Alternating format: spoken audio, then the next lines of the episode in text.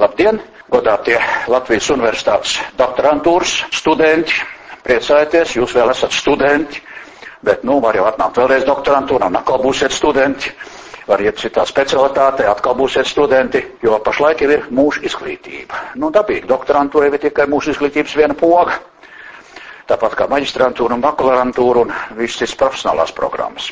Šodien mēs esam sanākuši tātad pedagoģijas psiholoģijas mākslas fakultātē.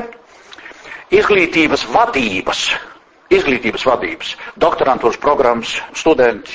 Un proti šajā studiju programmā ir paredzēts, jums ir solīts, eh, kad ir šāds studiju kurs zinātniskās darbības sistemoloģija.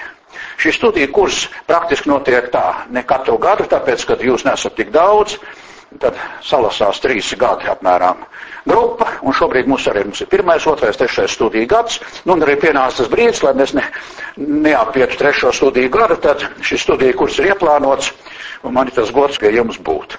Es esmu Andra Onkurs. 30. novembris ir pagājis, Andra mums Latvijā ir daudz, augšā, visur pa vidu arī, bet tas nu tā.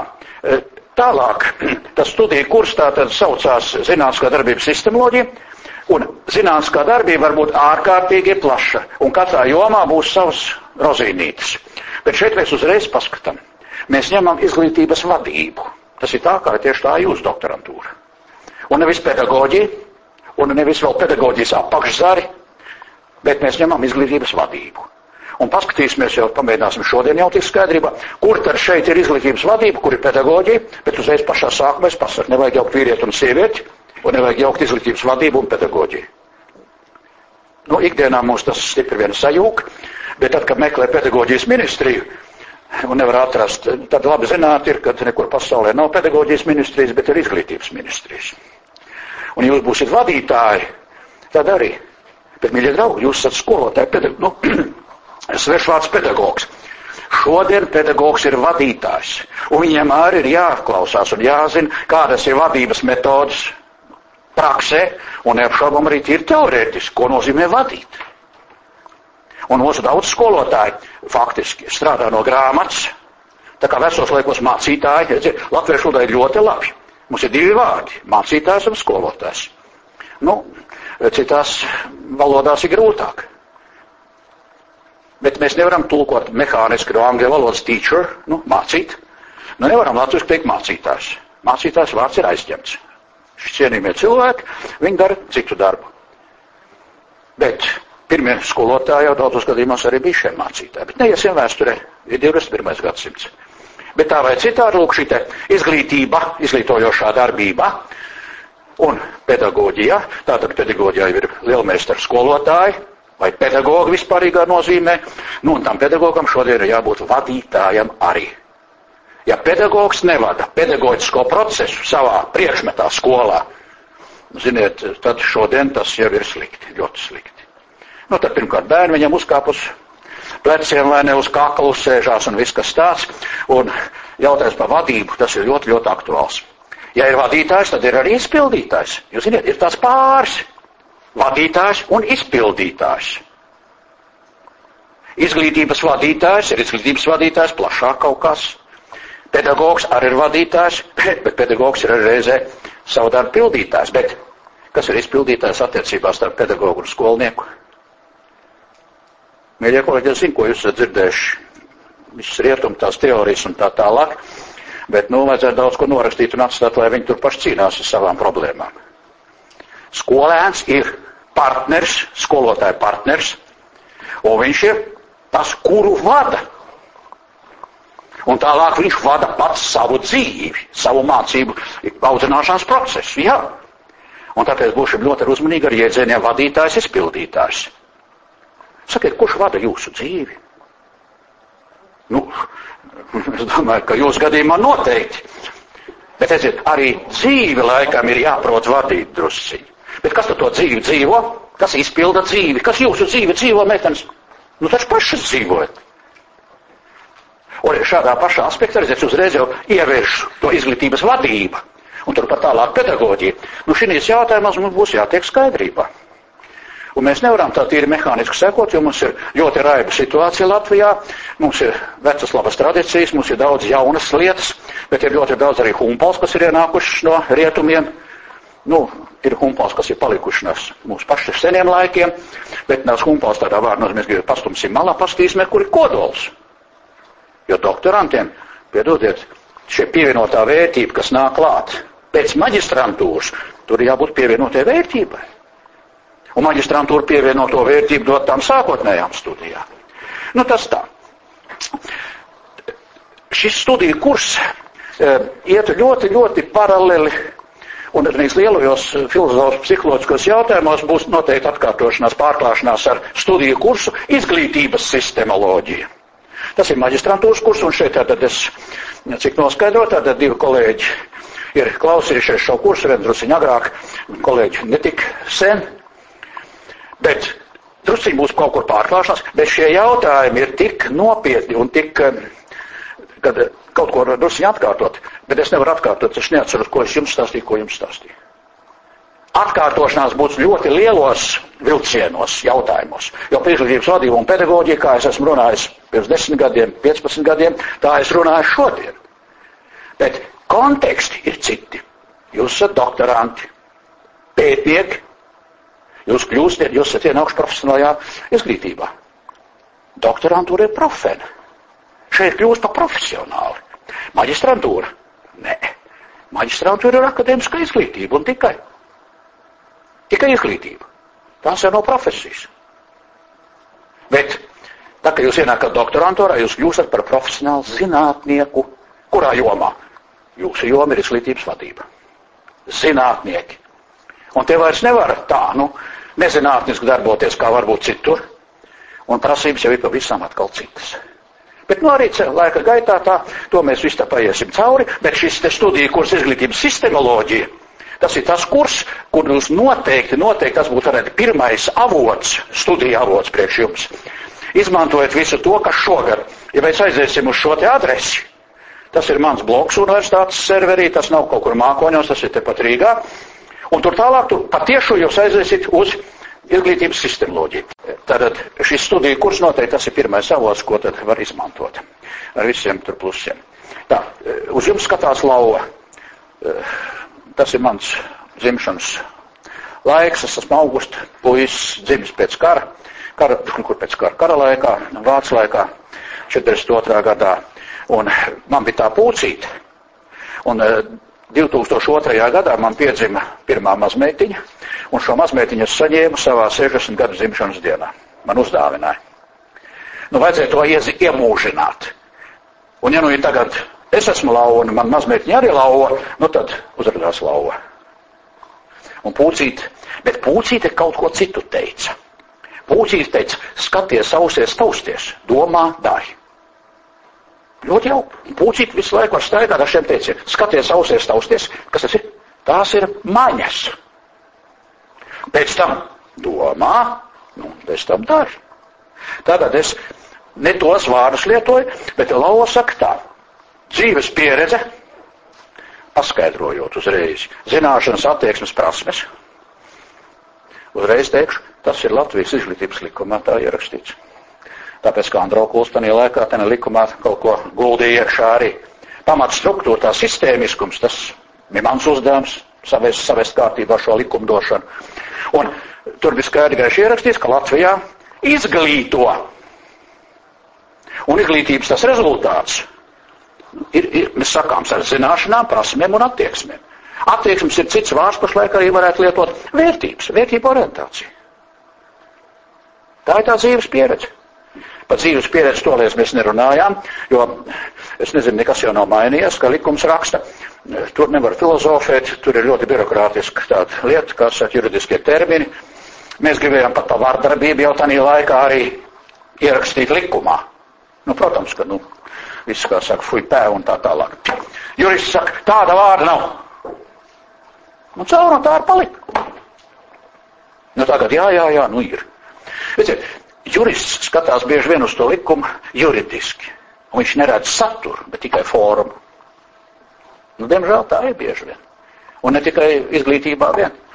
Katrā nozarē ir jābūt specifiskiem juristiem, kas ļoti labi pārzina to nozari, un pēc tam, protams, arī juridiskās visas lietas.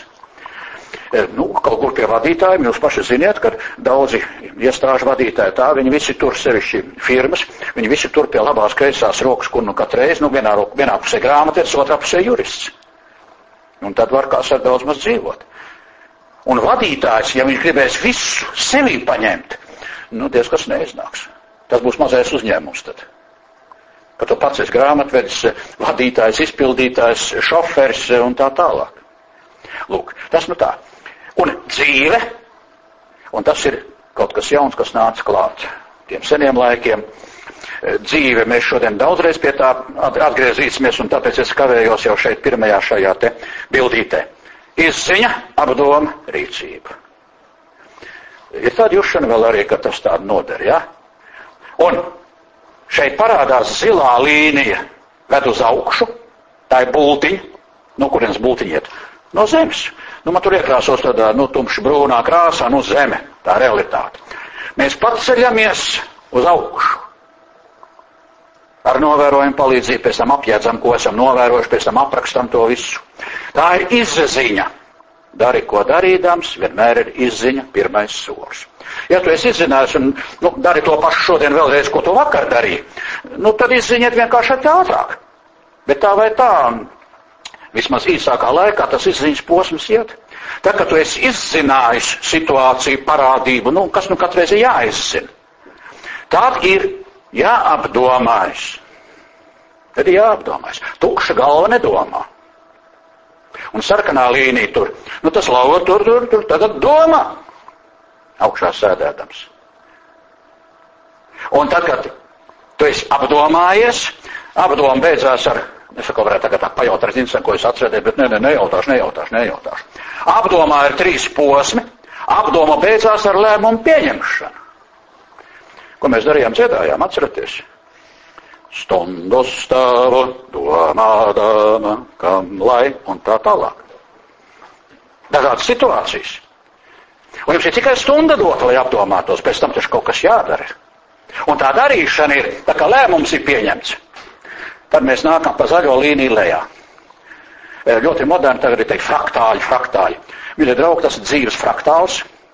Tas ir kaut kas tāds universāls, ko mēs nepārtraukti ikvienā cilvēka darbībā, ko mēs veicam. Tur ir iekšā izziņa, apdoma, rīcība.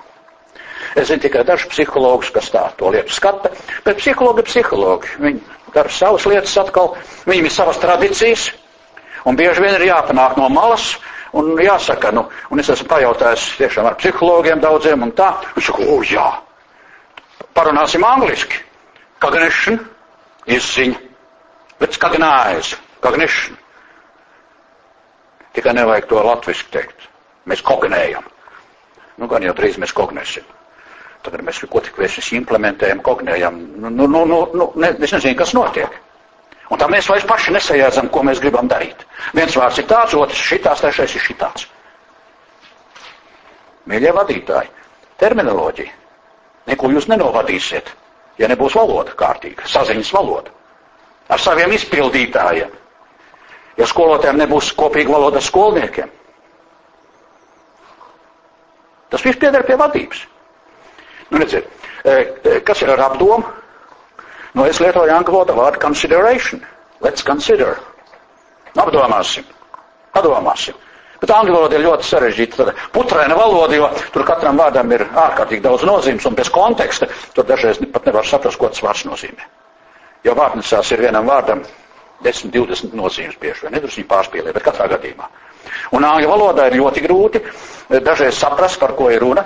To jūs arī esat jau kā doktoranti varbūt jutuši, esat bijuši kaut kur konferencēs, jau rakstīsiet, un esat daudz, ļoti daudz lasījuši dažādu citu autoru darbus, angliski, piemēram. Pieļaus Dievs. Dažreiz tur tādi vārdi parādās sevišķi. Amerikas tur otra puse, Kalifornijas puse, piemēram. To es jau pieminēju mūsu konferences reizē arī. Tur, tur parādās tādi termini, instruktors, instructor, un slavenais GE. Nu, visi Amerikas, kā saka, šie pedagoģijas uh, vīri lielie. Šausmīgi pragmatiķi. Un viņam arī savu valodu. Slavenais behaviorisms. Behavior. Nu, visu cieņu. Bet nevar jau tikai šādā aspektā iet. Un e, tāpēc, tā, kad mēs laižamies lejā, angliski arī sakņam vērnu behavior. Nu, var pateikt uzvedība, latviski arī. Bet no uzvedību mums arī šaurais priekšstats par uzvedību, vai ne? Nu, kad slikts vārds nerunāt, vai ne, un iekāpt ar kājām uz galda, nu, tas slikt uzvedās, jā. Ja? Nevajag, ka citiem sisas slap lupot pārs, un tā ir uzvedība. So, bet vārds uzvedība var būt plašāks arī. Un angļu valodā behavior, pierodiet, tas ir ļoti plašs jau vārds. Un tāpēc mums arī šī kursa ietvaros, mums ir drusiņi, es jums tos vārdus tā nevienu paskaidrošu, un man gandrīz ir viens mazs mājas darbs jums. Uz mūsu noslēguma reizi 20. precīzi pēc mēneša. Jūs varētu uzrakstīt uz papīrīti sev, sev, sev, sev. Tikai es lūgtu to izdarīt, nu tā kā saka, formāli, ka man tas lūgums būtu. Jo es tomēr laikam, es esmu, laikam ir jāvada šis te kurs. Uzrakstiet skaidrojošo vārdecu. Tiem vārdiem, terminiem, kurus jūs lietosiet savā doktora disertācijā. Uzrakstiet viņus. Te mēs varēsim apspriest. Kaut kas nav varbūt kādas idejas rodās. Nu tā atkal var apspriest. Un es jums to iesaku, ne katreiz to dara, bet es vienmēr iesaku saviem vadā, vadāmajiem, ja? Uzrakstiet šito skaidrojošo vārnicu. Tikai, ko nevajag rakstīt? Glosārī nevajag rakstīt. Un kāpēc angliski jāsaka? Glossary. Sakat latviski. Skaidrojošā vārnīca. Un uzrakstiet, nu, 10, 20 vārdus. Nu, vairāk nevajadzēs, jo tādā ļoti solīdā darbā kā disertācija vai promocijas darbs atkal te jau atkal tas vārds mainās tagad. E, tur ir, jums ir kodola vārdi, atslēgas vārdi, ar kuriem jūs strādāsiet savā pētījumā. Un tad uzrakstiet skaidri un gaiši. Manā darbā es lietoju, nu, tur Paši ziniet, vienam būs 10, otram 12, vienam 15. Pārāk daudz es neieteiktu, jo tas jau ir risks. Tas nozīmē, ka pats uz savā pētījumā var apmaldīties. Nevajag, nevajag aiziet uh, kaut kādā ļoti sarežģītā tādā daudzveidībā. Vajag turēties pie skaidra prāta, jo tad kaut ko varēs izpētīt un ieteikt un rezultātu iedot. Ja sagrābsies nezinu ko vispārējo, un tā vēl tādā valodā tur aizies viss kā saka tā, ka pats vārdā nesaprot, kas tur īsti ir. Es pārspīlēju drusku, bet nu, no vienas puses arī nepārspīlē. Vismaz, vismaz psiholoģija, tad ir pedagoģijā. Eh, pedagoģijā eh, daudzos gadījumos eh, ir diezgan liela strīda dažreiz. Vai tas ir zinātnisks darbs vai nav? Jo pedagoģijā tur ir otrs veids, jo tur emocionāli tēlēni bieži vien apraksta parādības. Tā nav zinātne. Tā ir māksla. Un atkal mums jāzina. Latvijā kas atmodu iznesa mākslinieki? Pacēla tautas garu, cepur nost. Bet kurš pēc tam, lai vada valsti? Nu, nevarēja mūsu cienījamie mākslinieki novadīt valsts. Nu, viņi arī to nemaz, paldies, viņš to nemaz neuzņēmās. Viņi savu padarīja, un tad nāca valsts izlaupītāji. Zēni iznāca no krūmiem, kā saka, kas to vien gaidīja, tagad vajadzēja prihvatizēt vai ne, vajag ātri vajadzēja tikt pie bagātības, jo vajadzēja tikai raust, ņemt. Un tas arī notika. Nu, tas viss tā uz riņķi un apkārt. E, e, izceņa apdoma rīcība, zils, sarkans, zaļš, un kā es jums teicu, jau kolēģiem, nesen, kas klausījās šo kursu, lai jums no šīs dienas gar acīm Zils, sarkans, zaļš griežās. Es lietoju šīs krāsas kā zīmes arī, jo ir dažādi cilvēki, sevišķi mākslinieckā tipa, vai ne, bijis laime strādāt šeit pat mūsu šajā fakultātē ar mākslas akadēmijas beidzējiem, vai ne, kolosāli cilvēki. Un man, es no viņiem daudz ko iemācījos, un es kā viņiem pretī. Un tā kā mēs bijām tā beigās, nu, darbu padarījuši, Nu, mēs bijām ļoti pateicamies viens otram, jo mēs bijām vien bagātinājušies. Bet kāpēc nāca Mākslas akadēmijas? Vai jūs nesat kāds Mākslas akadēmijas absolvents? Nesat, jā? Ja? Bet varētu būt, kāpēc ne? Nu, labi, šoreiz nav, jā. Kas paliek? Viņš, man, nu, mēs, mēs jūtam, ka mums trūkst nu, kaut kas tāds, ko nevar dzējā pateikt. Muzikā to nevar uzrakstīt. Mums vajag kaut ko tādu, nu arī, nu, tas ir tas zinātniskais. Mākslinieks ir jūtu cilvēks. Viņš dzīvo ar sirdi. Kā cilvēks dzīvo ar sirdi, rokām un galvu? Nu, tas ir tas ikdienišķais teiciens. Nu, drusciņ zolīdāk mēs pēc tam paskatīsimies. Prāts, jūtas, griba. Nu, tas jau skan doktorantūras līmenī, nu zinātniski. Un atkārtot, kā tas viss te iet un neiet kopā. Un tāpēc izziņa apdoma rīcība, tas ir tas, un ievēroja krāsas, zināšanas un izziņa ir zilā krāsā. Kāpēc? Nu, laikam, ja ir zila krāsa, tad nu, tas ir kaut kas tāds kopīgs tur ir. Ieklausieties latviešu valodā. Izziņa, zināšanas. Vārda sakne ir zina. Uztaisam tagad konkursiņu. Kurš nosauks visvairāk vārdus ar sakni zina? Tikai latviešu valodā. Atkal būtu mums tas laiks, būtu mums tas laiks bijis, tad mēs varētu aiziet. Ja, izziņa. Ja. Jā, ziņkārība, ziņkārība. Bet izziņa, apziņa, saziņa, neziņa, paziņa. Vārds zinātne arī ir sakņojuši šeit. Un ja mēs esam doktorantūrā, Piklo. Izziņa zinātne. Jums ir izziņas procesi super svarīgi. Redziet? Un kas ir produkts? Kā tagad saka, televīzijā tagad saka, vadini atvainojiet, mēs jums piedāvājam produktu. Tur uz ekrāna arī šiltīt tādu apakšā uzlikt. Nu, nu, nu dīvaini, nu, žurnālisti ir interesanti ļaudis arī. Reklāma sauc par produktu tagad, jā, piedāvās. Nu, lai būtu, lai būtu, lai būtu. Kas ir, kas ir rezultāts izziņas procesa? Zināšanas, redziet. Bet jūs jau jūtat, ka tā ir tikai viena krāsa no cilvēka dzīves. Ar zināšanām zināšanas ir ārkārtīgi nozīmīgs, un tāpēc jau jūs nākat to zināšanas arī gūt izziņas procesā, doktorantūrā. Jūs nākat pēc, veidosiet jaunas zināšanas, un jūs jūtat, jūs jūtat lielo atšķirību, kāda ir starp maģistrantūru un doktorantūru. Nu, vajadzētu vismaz tā būt jaunas zināšanas iegūst, bērnu dārzā arī iegūst, pirmskolā iegūst, nu tātad sākuma skolā. Bet tās ir zināšanas, tie ir atklājumi cilvēkam pašam priekš sevis.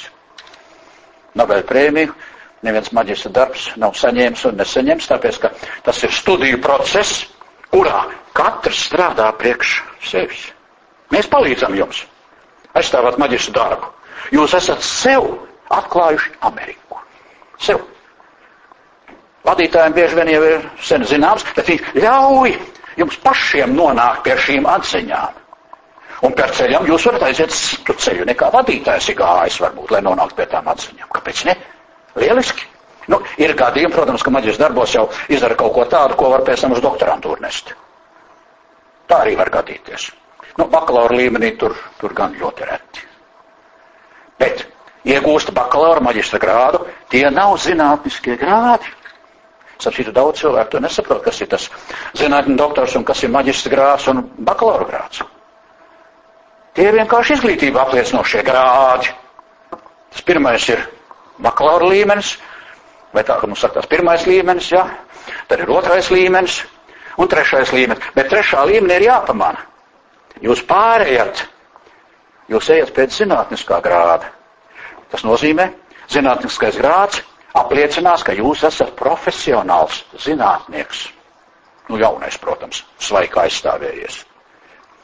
Mūžu pavadītiem gadiem te nav nozīme, te ir svarīgi, ka tu to darbu esi padarījis. To var padarīt tā kā jaunībā. Vecumdienās pat aizstāvēt disertāciju. Bet tur ir jābūt kaut kam tādam, vismaz Latvijas mērogā, jaunam. Tas ir ļoti augsts uzstādījums. Bet citādi jau, nu, nu. Jo zinātnieks nevar vienkārši, nu tā, kā projektos. Nu, satais noris projektu vai uzrakst atskaitu, atkal ņem kaut nākamo projektu un tik projektē. Nē, nē, nē. Zinātniekam ir jāiedod pienesums. Kaut kas jauns. Bet jauns gan sev, gan citiem kolēģiem, gan vismaz mūsu valstī jauns. Mīļie izglītības vadītāji, jūsu disertācijām, jūsu promocijas darbiem ir jāienes kaut kas tāds, kas šobrīd ir ļoti nozīmīgs, nopietnas Latvijas izglītības attīstībai. Jo vadītāji ir atbildīgi par izglītības saturu. Skolotāji, nē, skolotāji saturu neizstrādā. Kas uh, raksta mūsu labajiem kolosāliem dziedātājiem un pianistiem, vai nu, mūsu Šimkusam. Šimkus neatskaņo savus darbus. Šimkus atskaņo klasiķus. Ir jābūt komponistiem, un tad ir izpildītāji mākslinieki. Es nu pat skatījos Don Kihotu. Nu, kolosāli, nu, jauni, tur, jauni, jauni, jauni spēki ir ienākuši vai operā un tā tālāk. Nu, bet, nu, kas ar to Don Kihotu uztaisīja? Kas mūziku uzkomponē? Bet tur ir kolosālie dejotāji, izpildītāji. Mīļie draugi, šeit mums jābūt skaidram attiecībām. Izglītības vadītājs un skolotājs. Skolotājs ir izpildītājs. Ārkārtīgi svarīgs, nepieciešams, jo piedod, nu ko tad dos, ka viens uzrakstīs Don Kihotu un nav kas nodejo. Vai arī orķestris nav kas nospēlē. Kopā gan viens, gan otrs. Un tā kā izrāda ir beigusies, tad jau to diriģentu ar meitenes pasauc uz skatu, vai ne, un iedod puķis. Jo bez tā diriģenta, bez tā orķestra, nu visu orķestru ne pamatā, bet diriģenti vismaz uzsauc. Un, ja tās ir pirmais hārts, tad sauc autoru. No dziesmas ēkos pasties, kas mums notiek. Te jāizdomājas. Mīļie doktoranti, te nu jums ir visam citā līmenī jau jāsāk celties un jādomā ļoti nopietni par procesiem un parādībām, jo tas vairs nav Tas nav maģistrs, tas nav bakalaurs, tas nav bērndārs vairs arī. Tas ir tas līmenis, kur jums ir jāiedod šī te vērtība. Es uz jums tagad skatos un priecājos, ka jūs esat fantastiski ļaudis, jo jūs to darīsiet un darat jau. Jums ir tā gribēšana, tā drosme, viss tiešām to darīt.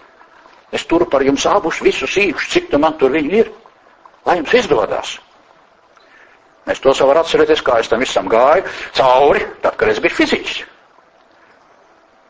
Man laimējās, ka es pabeidzu uh, savus fizikas studijas, parādījās lielais dators universitātē, uzreiz mēs varējām viņu izmantot, un mēs uzreiz, starp citu, padomu savienības līmenī, mēs uzreiz izgājām priekšplānā jau.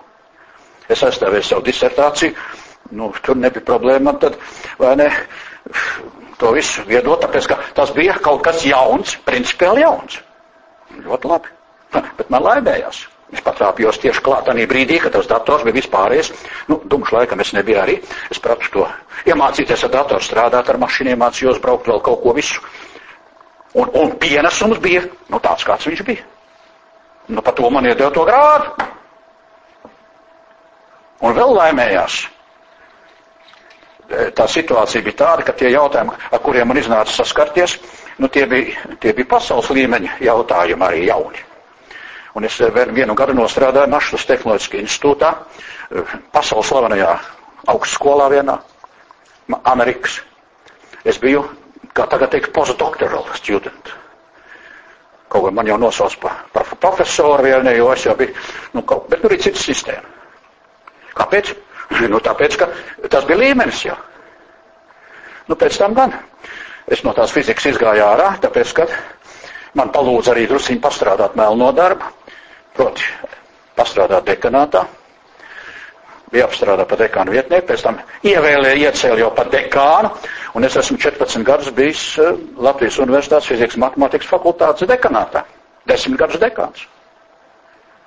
Pēc tam es teicu, pietiek, gribās ar kaut ko citu. Bet tad jau bija atmoda.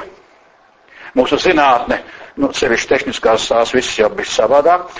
Un es, kur sākot strādāt ar studentiem, kā pasniedzējs, spēckursus lasot, pēc tam arī nu, ar cilvēkiem dekanātā. Es sapratu, ka ar cilvēkiem strādāt ir drusciņi pat interesantāk un labāk nekā ar tiem kristāliem. Bet strādājot fizikā, es apgūšu zinātniskās domāšanas ābeci un darīšanas ābeci. Un pēc tam es tik skatos, ka zinātniskā darbība ir universāla darbība. Viss viens, ko tu pēti. Vai tos kristālus, vai cilvēku, vai, nu, viss viens ko, sociālos procesus.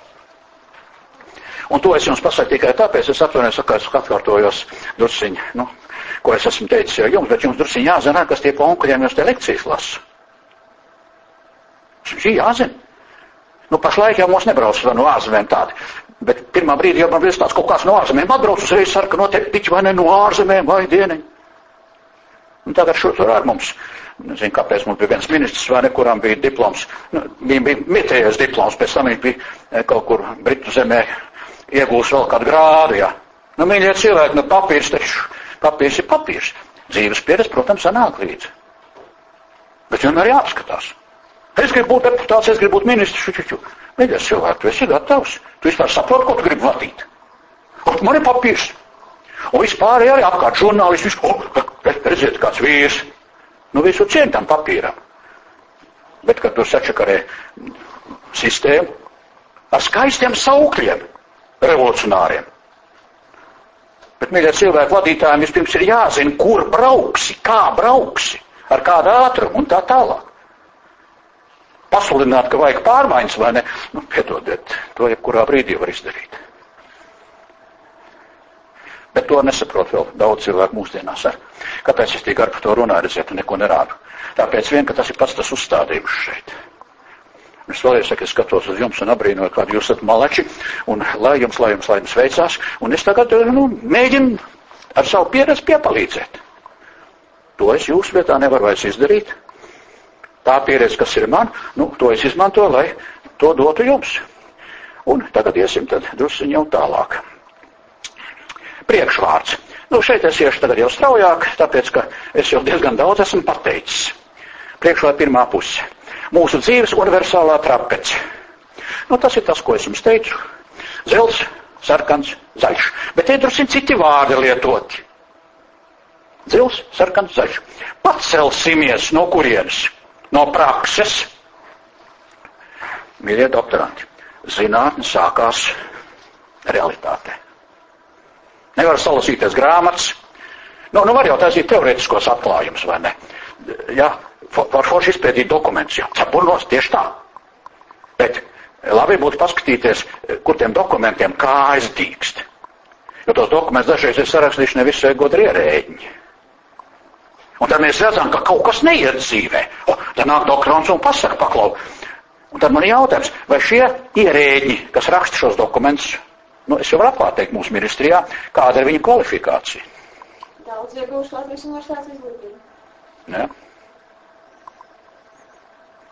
Tā kā ir par ko padomāt. Jā. Tā.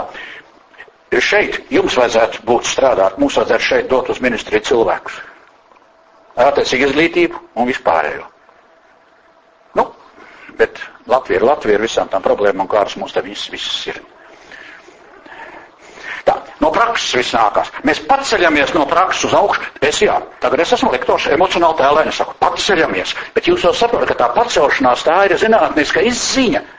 Tikai es lietoju tādu emocionālu vārdu - pacelsimies. Jūs esat pacēlumā pašlaik. Tieši tā.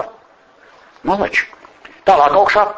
Prakse ir divi vārdi. Vīrietis, sieviete, balts, melns. Un ir prakse, teorija. Nu, Senos laikos Hēgels teica pretmet vai ne. Nu ir jā, praksa teorija. Savstarpēji saistīt vārdi. No prakses rodās teorija. Un tā ir tā teorija. Un labas teorijas ir vienkāršas. Ja parādības ir ļoti sarežģītas, teiksim, izglītībā, nu, protams, tad tās teorijas ne katreiz ir vienkāršas, un tad ir ļoti daudz sliktas teorijas, kas ir tādas, ko nevar īsti saprast, kas tur īsti ir, kas tur nav. Un jūs to ļoti labi jūtat tagad. Jūs lasiet dažādus avotus, dažādas arī teorijas un tā tālāk. Ja jūs akli nesakojat kaut kādai vienai teorijai, bet domājat ar savu galvu, nu, tad jau jūs paši sakat, re, Džons domā šitā, ja ka moto tā, Vika, pika, rika, tur tanī valstī ir kaut šitā, un Džons šitā, un ko tad es lai domāju? Un tad ir traki. Savu domu tā nav. Neprot arī domāt, nevar izdomāt. Materiāls ir ļoti daudz. Tāds, tāds, tāds. Kā to visu savot kopā? Nu, mīļie draugi, doktorantam tur, tur, tur jātiek ar to galā dausmas jau. Tas nav viegls darbs. Pavisam nav viegls. Um, arī šajā te jaukajā fakultātē, nu, es esmu divu fakultāšu cilvēks nepārtraukti joprojām kaut arī emeritēts un neesmu vairs oficiāli ievēlēts, bet es esmu mūžu ievēlēts. Emeritēts profesors universitāte, kamēr viņš ir silts, te viņš var nākt un strādāt. Lūk. Un stāvēt pa šī daugu. Un tad ir arī jautājums, kā tad mums tagad tā universitātes iekšējās dzīves ir attīstās. Tas viss vai šito ir saistīts. Mums jā, jāattīstās teorijas. Labi. Ja tā vienkārši traukt, un labas teorijas ir īsas, skaidrs un izsmeļošs. Šos trīs vārdus es ļoti novēlu ikvienam jūsu promocijas darbam. Viņam jābūt pietiekami īsam, jo, ja uzrakstīs garu, tad kāds ir secinājums. Mīļie draugi, paši pašlaik, paskatieties, paņemot šitādu grāmatu, izlasot un nekā nevar saprast. Tad lūdzu nerakstiet savu doktora darbu tādu, ka izlasīs un lasītājs un nevar saprast. Un šī fakultātē pamatā, un, nu, fizmatot bišķi savādāk, jo tā dabas māte mums ļoti ierobežo. Dabas māte pirmkārt nevar tieši maukt. Tur ir viss eksakti, precīzi, cipari, skaitļi un tā tālāk. Formulas matemātika. Sociālā ziņā, izglītība pieder pie sociālām zinātnēm, tur ir ļoti sarežģīti. Bet tā vai tā, ir jāmēģina eksakts to visu. Precīzi, iezini termini, lai būtu. Nevis kaut kāda tāda runāšana ziniņa un apkārt. Un tad tā tas ir. Un, un tad tas šausmīgākais ir, ko es esmu šeit sastaps. Ne, ko šausmīgi tas ir realitāte, bet es tādu ziņu sāsinu. Jaunie doktoranti. Ne jūs, ne jūs. Bet ir bijuši tie, kas, nu, viņi faktiski neatnāk uz doktorantūru. Es gribu rakstīt disertāciju. Es gribu rakstīt. Un tad es prasu, ko tas nozīmē rakstīt disertāciju. Un es zinu, es esmu ļoti riebīgs vadītājs bijis Nu, ja briesmīgi grib, nu, nu grib, nu ko grib, nu atrunāt nevar. Un tāpēc tam izrādās, ne, nu, nu neuzrakstīju to disertāciju. Disertāciju izstrādā. Un uzraksta pārskatu par padarīto darbu. Bet disertāciju neraksta. Un ir šie, šis te gājiens kaut kur no skolas vai kur nāk līdzi. Es palasīšu no turienes, no turienes, no turienes, kaut ko salikšu tur kopā. Tagad jautājums par plaģiātiem. Man ziniet, kā studenti un viss, ko referāts skatājas. Tur, tur ir ļoti nopietnas problēmas pašlaik. Tur augšā tur taču ir referāti pilns pa pilna. Nu, vēl var samaksāt un dabūt ļoti labs referāts, vai ne? Nu, disertācijām šeit ir savādāk. Jo te tomēr lāgā nu nevar, šeit ir kolosāli labi cilvēki, vai ne, kas tiešām paši grib ar savu galvu tikt visu skaidrībā. Bet promocijas darba neraksta, raksta darba pārskatu. Darba pārskatu. Un e, kolēģi atkal man var palīdzēt. Tad, kad mums bija studija kurs izglītības sistemoloģija, jūs laikos varbūt tā vēl nebija. Tāpēc, ka es arī esmu mainījies, mainos līdz apkārt skatos. Viena lieta, ko es sludinu, bet man arī kaut kas pašam jārāda, piemērs jādara studiju kurs, arī šis kurs, es jums viņu tā darīšu, veidošu, tam ir jābūt izglītojošam zinātniskam pētījumam. Studijas. Studijas ir izglītojošais zinātniskais pētījums. Kāda vēl var būt pētījumi? Fundamentālie zinātniskie pētījumi, lietišķie zinātniskie pētījumi un izglītojošie. Viss. Ņem, kuru zinātni grib. Viss. Fundamentālā zinātne, lietišķā, izglītojošā.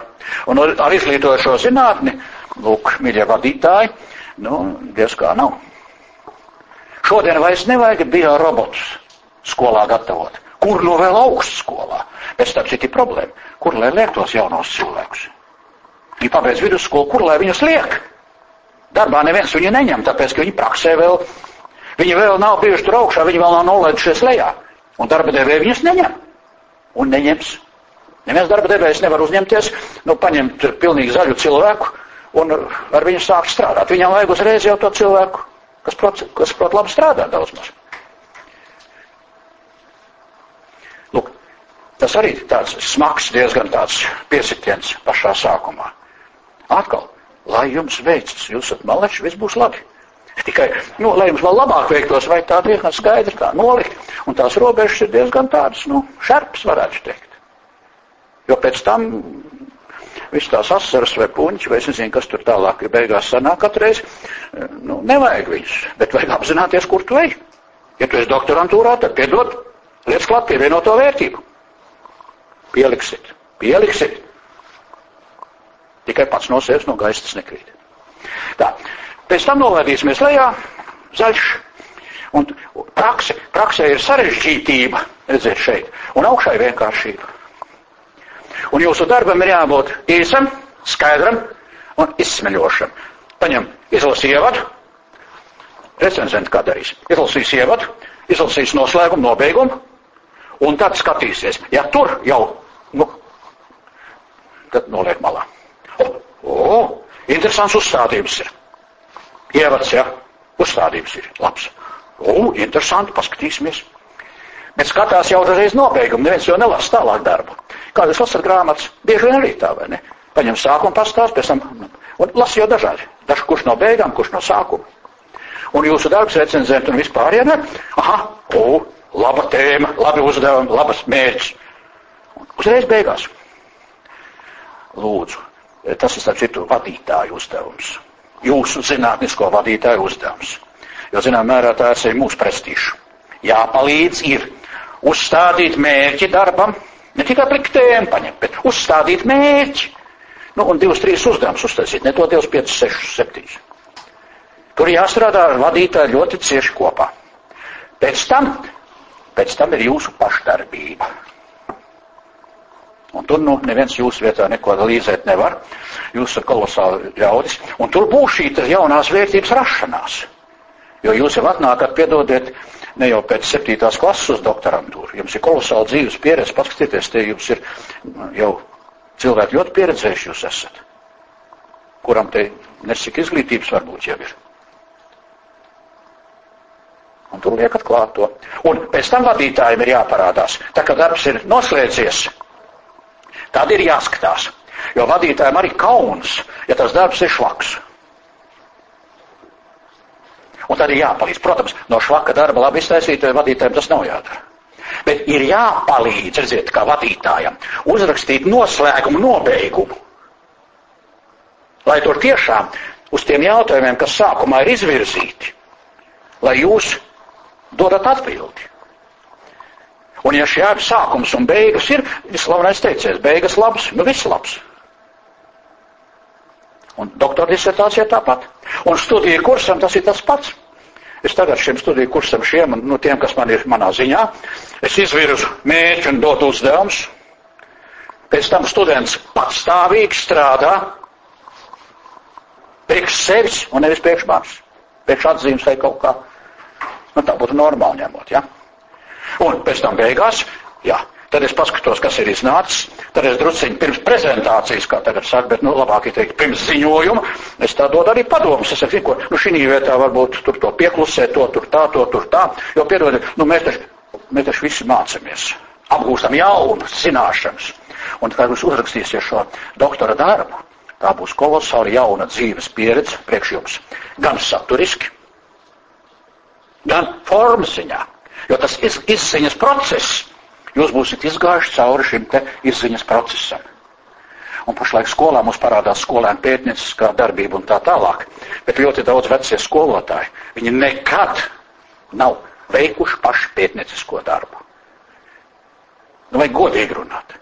Nu, vajag iet palīgā viņiem, bet ļoti veciem kolēģiem tur nekā nevar darīt. Viņi noliks valsts eksāmenus, viņi, iemā, viņi māca zina grāmatu no pirmā vāka līdz beigām, viņi zina visu to programmu, viņi tā kā šimkus norulē pēc notīm precīzi. Visu cenšanu skolotājiem. Bet šodien jau prasās drusku cita kvalitāte. Pirmkārt jau, nu, labi, šimkus ir viņš kolosāls mēsters, viņš nospēlēs arī kādu modernu nogabalu, vai ne? Ne tikai klasiķus. Atkal izpildītājs, vadītājs. Kāpēc es to īpaši uzsveru? Jums ir ļoti interesanta situācija. Jūs pašlaik esat arī pie saviem zinātniskiem vadītājiem. Un tajā pašā laikā tas darbs jau jādara jums. Ir. Vadītājs nevadīs to, nu, ko tev šodien jādara, vai nu tā, biļķi. Pats zini. Jau tas līmenis jau jums ir.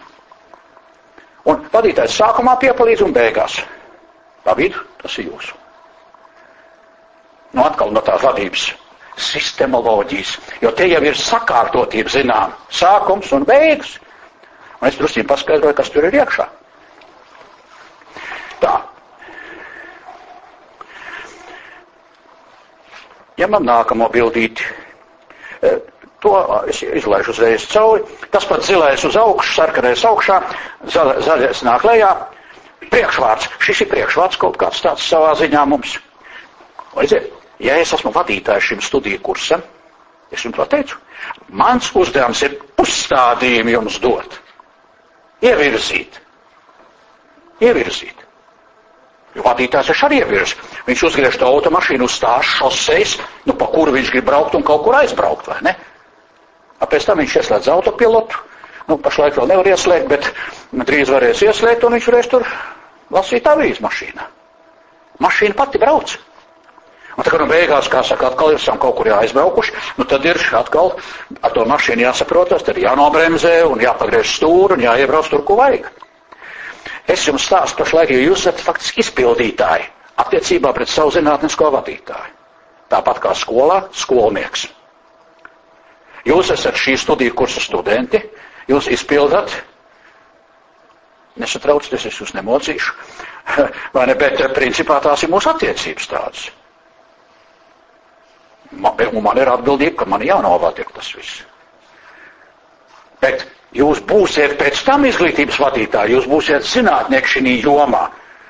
Un ļoti iespējams jūs būsiet skolu direktori, uh, nu vismaz. Bet vismaz pedagogi, jo pedagogam arī jāvada, jāprot. Bet uh, pedagogs ir pedagogs, tā ir pedagoģijas nodaļa, vai ne pedagogi visu cieņu tie šimkus treniņu cilvēki, kas tur mācās. Bet šeit ir izglītības vadība. Šeit ir izglītības vadība. Un, godīgi sakot, eh, es domāju, ka jūsu līmenis, tas ir nodaļas vadītājs, izglītības nodaļas, nu, pašvaldībās kaut kur. Lūk, šeit. Tad dod Dievs jūs pagast veci labu vai ar kur var saprasties, kurš saprot, kas ir izglītība. Bet, ja to nesaprot nodaļas vadītājs, tad ir traki. Jūs esat ministrijas nākamie cilvēki. Vidieniņi. Tur ārkārtīgi vajag saprātīgus cilvēkus. Tā. Nosūdīja kursam tam ir, viņam arī ir. Un te ir tas, ko es teicu. Tanīs laikos laikam es tā te tā gluži nezīmēju to. Ja es visiem stāstu tagad, ka tā vajag organizēt cilvēku darbību, tādā kārtībā, ar tādu struktūru, nu, mīļie cilvēki, nu, skaisti var runāt. Bet, mīļie cilvēki, es šo studiju kursu šādi veidoju. Mēs tā izstrādājam šo, mēs izgājām šo studiju procesu. Tas nozīmē, ka nu, man kaut kā sirdsapziņa tīra, es jūs stāstu un rādu, kā manuprāt, kā man dzīves pieredze saka. Bet nu, es arī nevis tikai runāju, bet arī tā strādāju. Cenšos, cik varu. Neko labāk es jums pašlaik vairs nevaru iedot. Tā, skatāmies tālāk.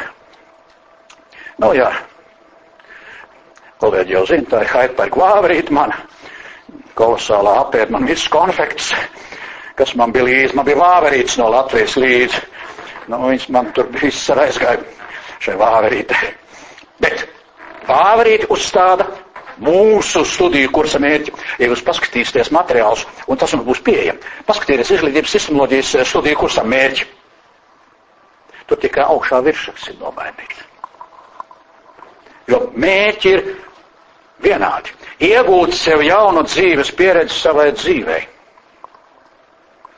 visiem studiju kursiem, visiem skolas priekšmetiem. Ir viens mērķis. Nevis iezobrīt un atzobrīt eksāmenā vai kaut kur kaut ko, bet iegūt jaunu dzīves pieredzi. Es nu pat biju robežos, pēc tam mešciemā pie skolniekiem. Es viņiem saku, paklau, ko jūs te nākat? Nu, es zinu, ka tas viņam ir pārsteigums. Skolotājiem arī. Bet, nu, skolotāji, nu, redziet, man paziņas ir gandrīz visu Latviju pilna, ar viņiem ir tikšās, viņi apmēram zina, ko es tur tiem bērniem sastāstīšu. Un es Jānis prasu, paklau, Jānis, ko tu, kas, tu, kas, tev, kas tev ir pazudis, ko tu, kāpēc tu atnāc uz skolu? Nu, parastā atbildi ir mācīties. Nu, jā, nav jau nepareizi, bet nepilnīgi gan. Un tad mēs sākam pamazām to runu virzīt, es jau to tagad nedarīšu, tas ir bērniem, kas tiek darīts. Es saku, uz skolu nāk dzīvot. Un skolā dzīvot nozīmē iegūt dzīves pieredzi dzīvei.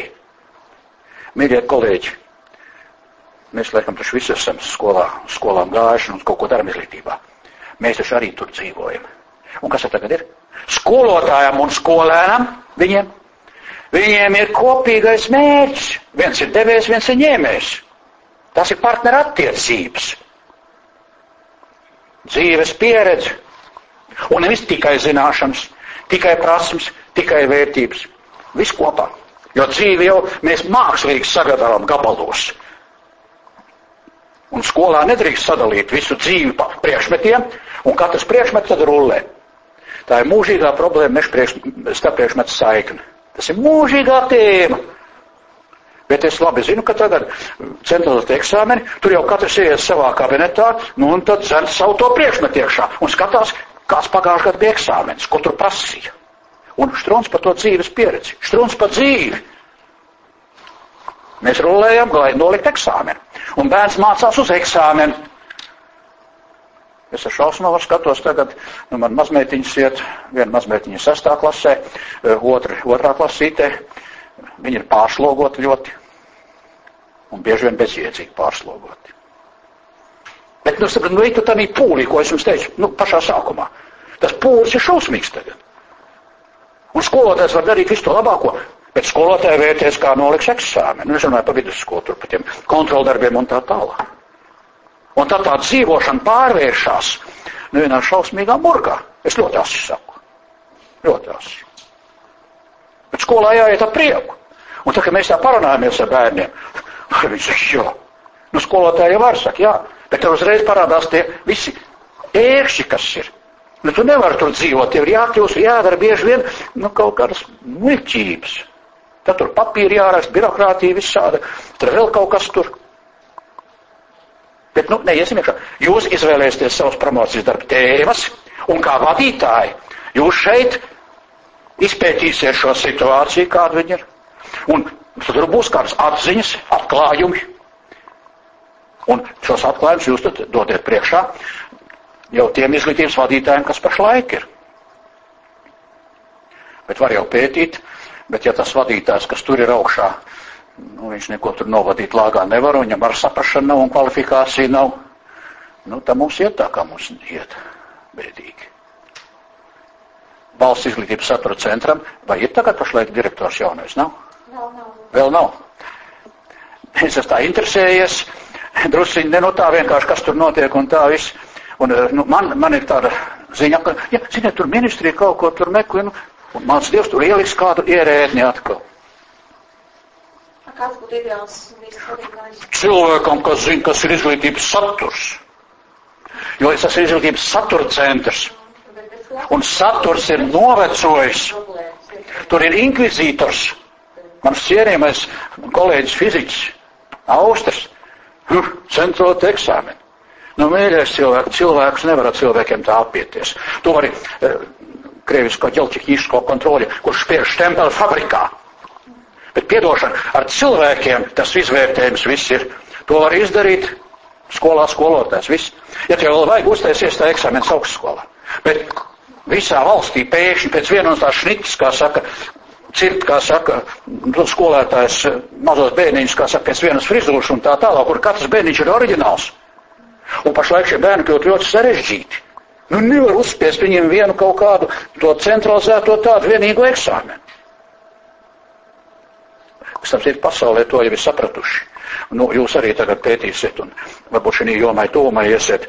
Tas ir saprasts. Nu, nevar cilvēku apieties kā ar mašīnu, kurai var izmērīt, nu, cik garš, cik plats un tā tālāk. Eksperts pasaka, oh, tur ir iekšā, tam puikam galva strādā. Piedodiet, ja šitā pasaka eksperts, nu, skolotājs, direktors, cauri, nāc, es tevi ņemu.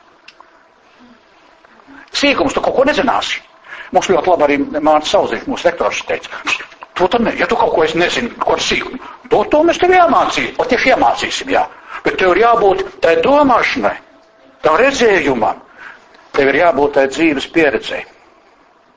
Es satiekos, es 14 gadus esmu strādājis skolā arī, 6 gadus mācīju fiziku, sen, sen, sen, un eh, pēc tam vēl jaunajā gadsimtā 10 gadus braukāju uz Bausku un bija tāds priekšmets, vai ne, 10, 8 gadus uh, sistēmika. Godīgi sakot, tas viss, ko es te jums stāstu, to es visu esmu strādājis ar desmito klašu skolēniem. Astoņus gadus. Braukā, regulāri. Un tie bērni ir kolosāli. Tikai ar viņiem vajag runāt nopietnas lietas.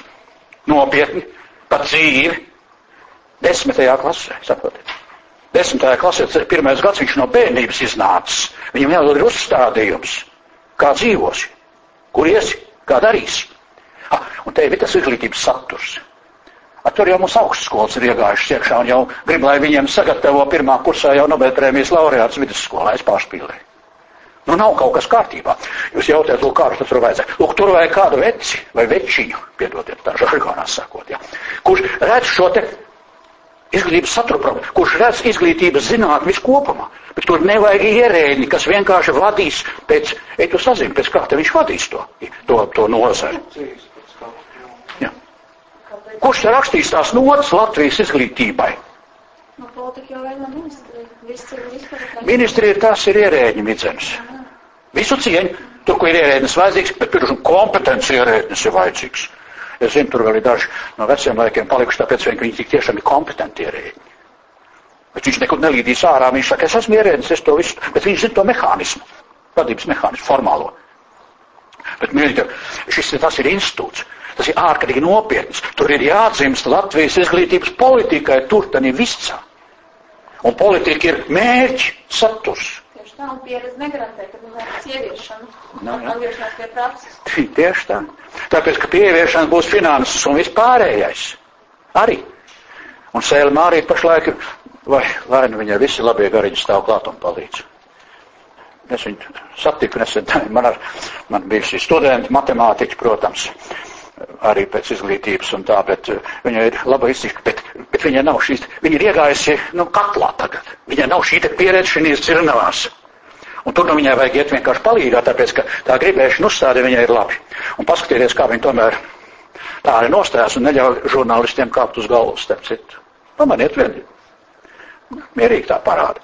Viņi saprot, ka skolotājs vajag pašlaik. Mums drīz vairs nebūs skolotāju kārtīgu.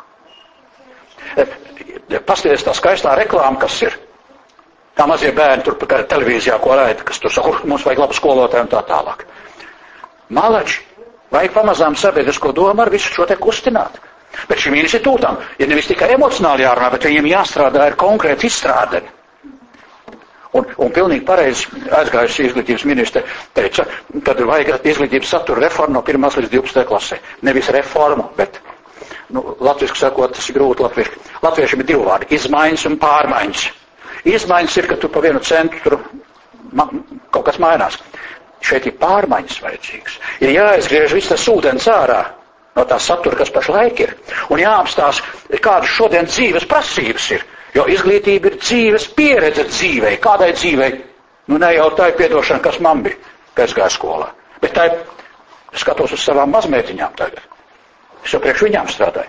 Es jau pat tagad tā nejauki saku, ka es jau pat savus pauģus cilvēkiem, es viņiem nemaz negribu lāgā runāt, jo viņi ir nobrieduši un visu, un viņus jau neviens vairs tur nepārtaisīs. Nu, visa cerība uz jums arī. Nākat svaigi iekšā, un tad nu gan es teikšu, kā zinātnieks, lai Dievs jums palīdz. Jo tad, kad nevar pateikt konkrēti, kas tev palīdzēs, nu tad mēs sakam, tas ir Dieva pirksts. Ar Dievu arī jāpietās ļoti uzmanīgi. Es te netaisu jokus. Tas ir nezināmais, lielais nezināmais. Un izglītība ir pa to zināmo taisnu atkal jāstrādā. Bet tas nezināmais jau paliek. Nekur Dievs nav pazudis. Nekur nav pazudis. Nu, re, iegūt jaunu dzīves pieredzi savai dzīvei. Trīs uzdevumi. Zināšanas, attieksmes prasmes. Redziet, tu uzreiz te stinu tālāk. Jo es jau jums pateicu, zils, zaļš, sarkans. Te jau tas ir citiem vārdiem uzrakstīts. Un es faktiski visu tas studiju, kur grozās ap šiem pieciem, sešiem vārdiem. Un es jums teicu, uzrakstiet savai promocijas darbam eh, šo te skaidrojošo vārnicu. Tas ir dīvaini. Es arī tagad vēl joprojām mēģinu vēl ārā, kā sakārtot atslēgas vārdus lūk šādiem kursiem. Viņi ir sakārtoti, bet es jūtu, ka vēl šur tur varētu kaut ko labāk izdarīt. Kamēr es to vēl jūtu, nu, man ir morāls tiesības pie jums nākt. Tā kā es to vairs nejutīšu visu, tad es teikšu, eh, lasiet manas pēdējās lekcijas video ierakstos, un es neko jums jaunu vairs nevaru pateikt. Bet šodien es jums šo to salieku tā, kā pēkšņi jums noteikti savādāk, un kaut kas ir drusīgi savādāk arī varbūt bija kā pirms pāris gadiem, kad mēs tikāmies. Kamēr tu esi šī procesā vēl iekšā, viss ir kārtībā. Un jūs esat tajā procesā, malači, pacēlumā. Tikai uzmanieties, jālaiž lejā arī pēc tam. Nu, kas tad ir? Studija kuras būtība sūtība. Būtība ir apzināta zinātniskās darbības sistemoloģija, kā lietas sistēma teorija. Tā ir tā būtība, tas ir jāapzina. Iekot, apzināti, apziņa. Tā viss ir latviešu valoda. Tie vārdi visi ir piemeklēti. Gadu gaitā, kā es to te taisīs, apzināt, izzināt, apzināt. Nu, atkal detaļās tu neiesim, bet tie vārdi tie ir speciāli. Aprieš kā tu apzināšanu te vajag? Es jums jautāju, nu, kā jūs te sēžat, kas jums tiek pazudis? Nu, mēģis kaut kāds, nu, ir mēģis, cienījams mēģis jums ir. Izmantošanai. Un tas, ko es jums pašlaik pastāstu, iedod arī ko paskatīt, padomāt, materiāls vēl lai jūs varētu izmantot, lai jūsu zaļais ceļš no doktorantūras, ka nāksiet pēc tam būsiet pabeiguši doktorantu, kad nu, aiziesiet atkal darbā, nu tad jūs nāksiet bagātināti. Tas ir pa zaļo celiņu, kā viņš atgriezīsieties kur? Tur, kur bijāt pirms doktorantūras, bet pilnīgi citā kvalitātē. Pilnīgi citā kvalitātē. Tāpat kā jūs jau tagad esat citā kvalitātē, nekā bijāt vēl pirms pieciem gadiem. Tas ir nepārtraukti. Tā ir tā mūža izglītība. Apzināšana, izmantošana. Apzināšana zilā krāsā, izmantošana zaļā krāsā. Citiem vārdiem - izziņa, apdoma, rīcība. Un te arī veidojas tas tezauš, nu, terminoloģija viss. Tie vārdi visi ir kopsaistīti. Tie nav tā, pa jokam. Un viss ir latviešu valodā. Piemeklēt, lai latviešu valodā cilvēks var saprast, kas ir kas. Tad, kad man iznāk, kā saka, runāt angliski un, nu, krieviski, tad ir mazāk, Man aicināja vēl tāpat, kā senos laikos, uz Maskavas pedagoģisko universitāti un braucu uz Hercenu universitāti arī vēl nesen. Tur arī gudri cilvēki visu. Mēs arī nākam kopā un spriežam. Un krievu valoda arī sačakarēt šausmīgi. Jo tulkotāji, viņi nesaprot, ko viņi tulko. Un viņi tāpatās tur penetrē, implementē bez maz, tikai ar krievu galotnēm pieliektos vārdus. Fantastiski. Jo temps ir. Neviens nepadomā. To es tikai saku tāpēc, ka jums tas viss ir. Tā, to es visu esmu izrunājis. Te vairs nav ko. Nav ko runāt. Te ir šī studija kursa, tas formālais saturs. Studija kurs ir, viņš ir, man viņš tagad ir jāatjaunina universitātes sistēmā. Pašlaik viņš kaut kā pat neredzēja, ka viņš tur ir pieejams, jums pieejams, nu man te viņš tur ir pieejams. Jāliek atjauninājumi iekšā, tie ir tā formālā struktūra. Stop. Ar to gan es jūs tagad. Mums vienkārši nav laika. Mums jāiet ar straujā tempā. Trīsreiz mēs tikai tiekamies, vai ne? Mums jāiet tempā uz priekšu. Un te ir par ievads, lūk, nu šodien tas ir tāds. Priekšvārds ievads kopā ņemts. Es pat nevaru atļauties priekšvārdu un ievadu, kā kursā bija. Jāņem kopā. E, tālāk pirmā daļa. Pirmā daļa ir zilā krāsā. Nu, tas vecs kadrs ir. Jūs zināt, kas tas pēzari ir? Tas ir Rīča ezers Latgalē. Nu, man ir tāds niķis, man gribas ar nofotografēt kaut ko tā prieku, pēc es izjūtu. Tas ir Rīča ezers, pasties, kā saulīt tur rotājās. Nu, un tad es virsū uzlieku tekstiņu. Pēc tam, pēc tam būs riebīgas schēmas, tur bildes vairs nebūs. Bet te bija bildītas arī, jo tas ir priekšvārds, ievads, tā, uz rīņķa apkārt. Tā otrā daļa ir sarkana, lekcija kursā tikai viena lekcija sistēma teorija, pēc tam zaļā daļa, trešā daļa, zaļā daļa. Studiju kurs tā tiek organizēts. Un nobeigums galā. Komentāri par struktūru, redziet, zils, sarkans, zaļš, nu, nav ko tur labi lasīt. Jo tā būs lekcijas lasīšana, redziet.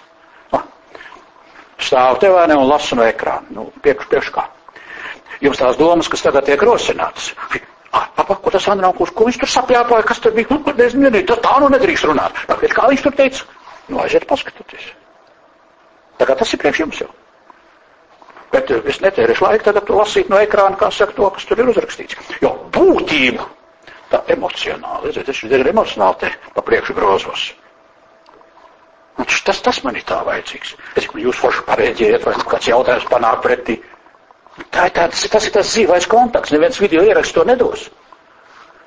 Tie trakākie video ieraksti, kā onkos atsēžās pie datora vai ne, tur ir tā kamera vai ne, vai ne un, un viņš tik tiešām lasa. Baigās, baigās video lekcijas tās esot. Stop. Tā. Tā, nu redziet, šo es novalku gar acīm. Tas ir šis studiju kurs, Vadrze 714, visi te suņi numuri tur ir vai ne un tā tālāk. Te ir viss tas uzrakstīts nu, kas tur viss attiecās uz ko. Es doktora līmenis tas ir. anotācija rezultāti kredītpunktu iegūšanai, nu, tātad šie kredītpunkti jums ir tā, tās attiecības, kāds jums ir. Kursa plāns, tas jau tas pats vien atkal tur ir, ko mēs jau runājām, tikai uzrakstīts ar vārdiem. Kursa saturs, nezinu, drusku var paskatīties, ir ievads, studiju kursa pamatjēdzieni. Nu, tie mēs drusku šodien tad otrajā pusītē, pirmā pusīte mums tur jau iet uz galu. Tas priekšvārds, tad mēs ņemsim drusku jau skārsim tos, te, tos vārdus skatīt tuvāk. Un pēc tam, jau nākamreiz, un tā, nu mēs ņemsim tos uh, zinātniskās darbības filozofiskos un psiholoģiskos pamatus. Tie ir tik tiešām pamati. Tas ir kā mājai pamati. Un tas man tas pienesums jums ir, ka es varu iedot jums tādus, tādus, tādus pamatāziņas, bet es jums nevaru iedot tās specifiskās problēmas risinājumus un nu, tādus padomus. Jūs izvēlēsieties tēmas, tur jums būs jūsu zinātniskais vadītājs, kurš palīdzēs tādā konkrētajā jautājumā. Nu, ir jautājumi, kur es arī varu tā draudzīgi palīdzēt, bet mans uzdevums ir iedot ir šo vispārīgo skatījumu. Vispārīgo. Tā, sistēma teorijas pamati, jā, un nobeigumā neapšaubām tā ir jau zinātniskā darbības organizācija kā tāda. To mēs ar speciāli par to parunāsim, vai ne kāda tā zinātniskā darbība tiek organizēta. Un atradīsim, ka tur ir atkal universālā schēma, arī zinātniskā darbība ir jāorganizē kā izziņa apdoma rīcība.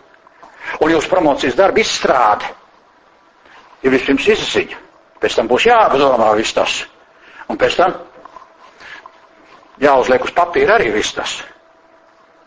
Un beigās ir rezultāts. Sākumā ir vajadzība pēc promocijas darba. Tad darbs tiek izstrādāts, nu, tad viņš tiek arī nofiksēts, noziņots, tiek rezultāts atdots sabiedrībai, no kurienes nāca, starp citu, nauda. Nu, jā, nu, nauda.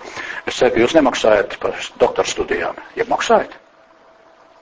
Domāju, ka nē, laimīgie. Tagad jau vēl visi, visi pa naudu. Jā, absurds kaut kāds. Valstī vajag izglītotus cilvēkus, skolotājs. Ar skolotājiem viņam jāiegūst, bakalaura iegūst, visu to iegūst, bet, teiksim, tā, ka tu esi praksē jau kaut kur. Teiksim, man pabeidz, bakalaura fiziķi pabeidz, pabeidz maģistrantūru fiziķi. Fizikas skolotājs vajag kā ēst, bet nu šie te jaunie cilvēki, piedošana, ja viņiem prasa, šī tāpat jau kā mūsu kopīgā fakultāte redzēt, mācība maksa.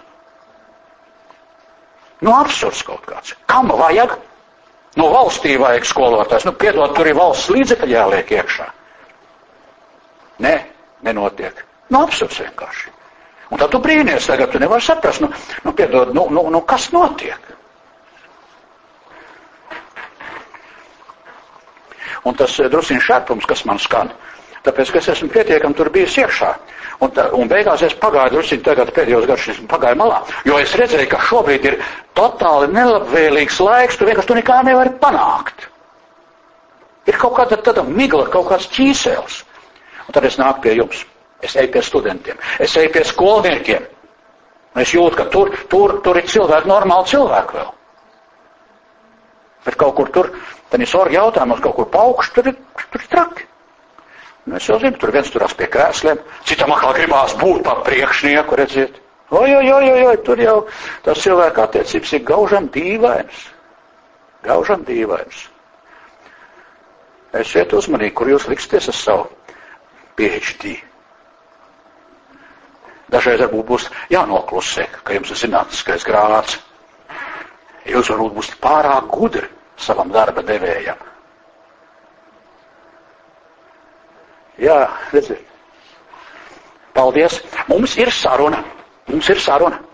Es tikai runāju, bet jūs, man saziņā ir ķermeņa valoda. Mums ir saziņa.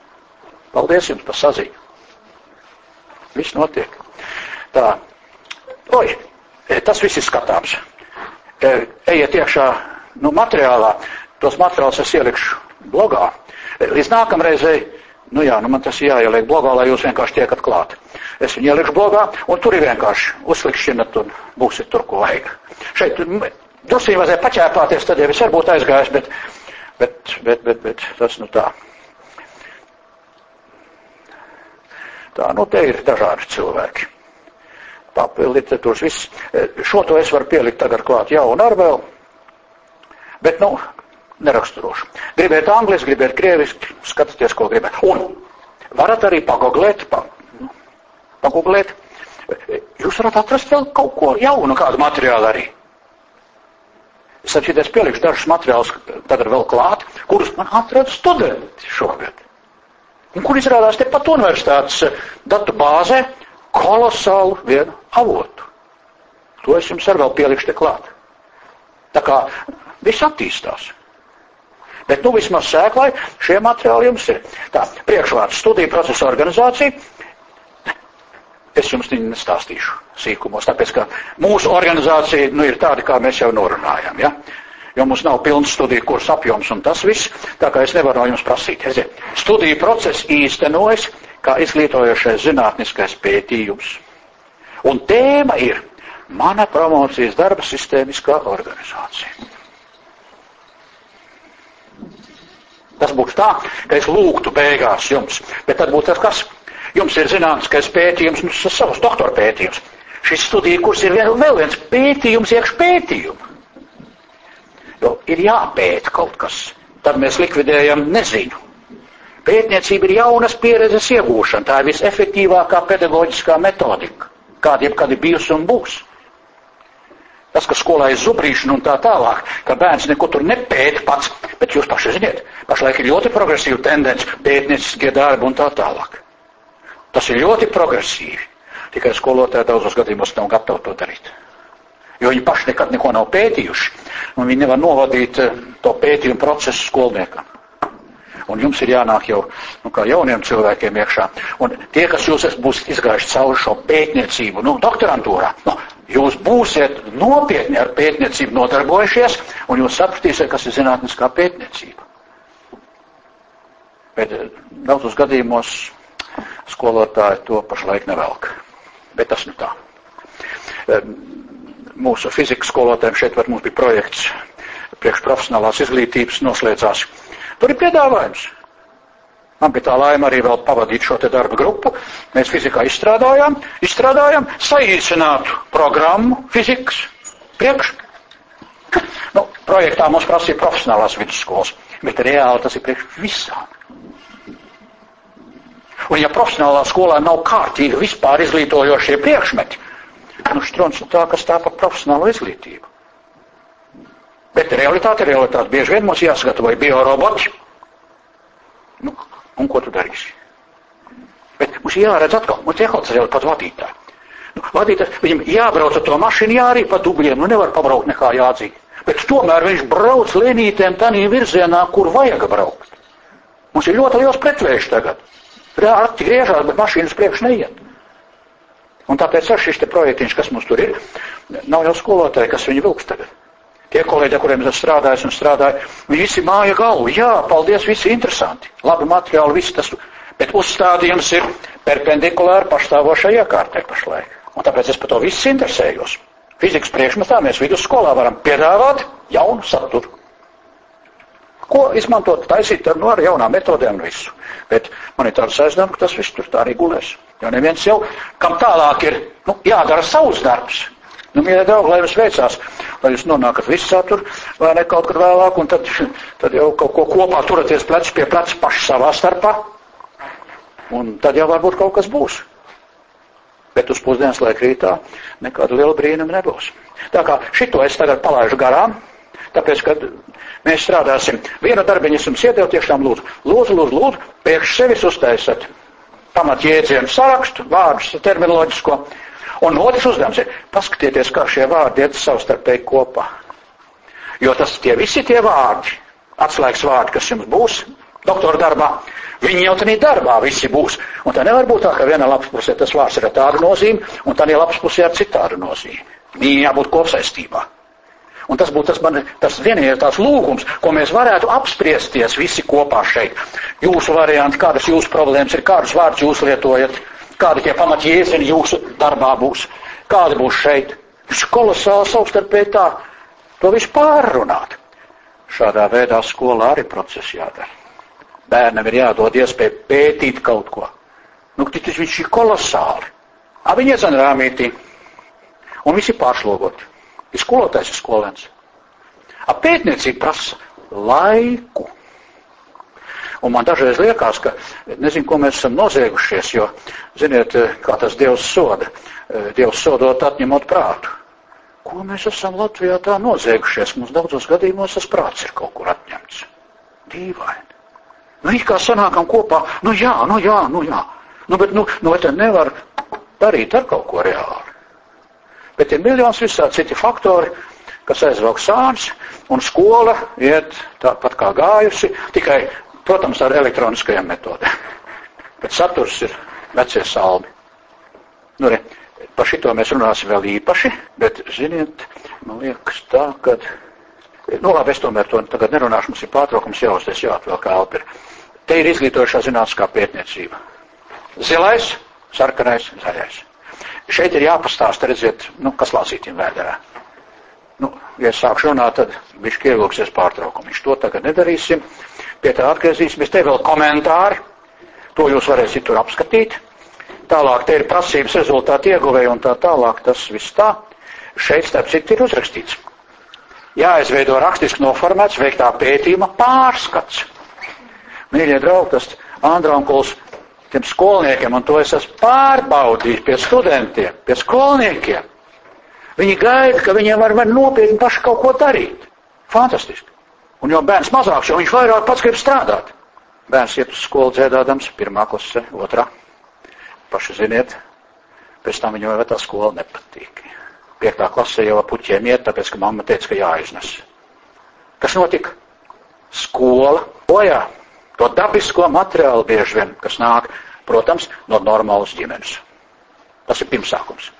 Ja bērns atšakarē jau ģimenē, nu tad ir pēc tam ļoti grūti kaut ko labot. Un ja vēl skola ar piečakarē klāt, nu tad mums ir terorists un, un blēdis un laupītājs, vai es nezinu, kas nu tur vēl tālāk. Un tā brīnamies, no kurienes tas viss tā nāk. Iesādām ābelīti, pieliekam stutītes, barojam, oh, un tā izaug skaista ābeli, kas dod augļus. Bet cilvēki taču ir līdzīgi. Jārūpējas par to bērniņu. Un visos vecumos. Sākot no bērna dārza līdz doktorantūrai. Doktorantūra arī pēc izglītības redzēt. Tā, te, te, to visu te var palasīt, tas te viss te ir, kā saka. Tas ir vajadzīgs. E, nu, Hāndrā, ko saka, kādreiz bija mazs puikiņš, tur man mīļā jaukā māmīt un tēcis. 43. gadā mans viens gadiņš ir vai ne, nu, vācu laika. Bet, nu, tā tie laiki bija. Nu, te ir drusciņi vēlāk. Nu, un šeit ir tas, par ko atkal es nevaru tagad runāt, tas ir interesanti tēma, to es parasti skolā runāju par bērniem. Pirmā bērnība ir līdz pamatskolas beigām, pēc tam sākās pirmā jaunība, līdz 40 gadiem. Pēc tam sākās briedums no 40 līdz 60, pēc tam ir otrā jaunība, un es esmu ceļā uz otro bērnību. Man ir 72, 3 pašlaik šī gadā būs. Un es arī tā pieklājīgs to skatos, jo nav ko maisīties jauniem pakājām, skatos jūs priecīgi nākat, nākat, nākat, nākat, ceļieties augšā. Būs vietas, brīvas vietas. Es jau esmu šeit atdevu brīvas vietas, jau savu profesoru vietu atdevu fakultātē zēniem jauniem tur, kas nāks. Nav tur veciem ko maisīties. Bet tie vecie tomēr var pateikt šo to tādu. Un es varu tagad pateikt kaut ko tādu, ka būtams jūsu gados, es to nevarēju pateikt. Vēl vajadzēja nodzīvot, vēl vajadzēja pieredzi klāt pieņemt. Nu, ko varu tagad, to es jums dodu. Viss normāli, man liekas. Pārdoms taču ir, jā, man ir pārdomu laiks vairāk, ne cik apdomas laiks. Nu, pēc tam izziņa atkal. Un tagad jau es prasu, lai mazmētiņš tur kaut kur datorā parāda vai kaut ko un tā tālāk. Tā, tur ir vienkārši uzrakstīts, kur es esmu katru gājis, jo nu, tā pacelšanās ir sākusies, mīļie draugi. Te ir vecs datums palicis vēl. Tā ir iepriekšējā reize, kad es šo studiju kursu las, nu, lasīju, kā mēs sakam, ja? Nu, tad, kad viņš bija, pēdējo reizi tas bija 11. gada decembrī. Pēc tam bija pārāvums, tāpēc, ka gaidījām, lai sanāk trīs studiju kursus kopā. Nu, šodien tas brīdis ir klāt, nu, un tad pacelšanās ir sākusies. Tā es domāju, tagad cik 10 minūtes, cik ir 15 minūtes, kā vēlaties, norunāsim. Jā, un tad drusciņ kā sakrādāsim.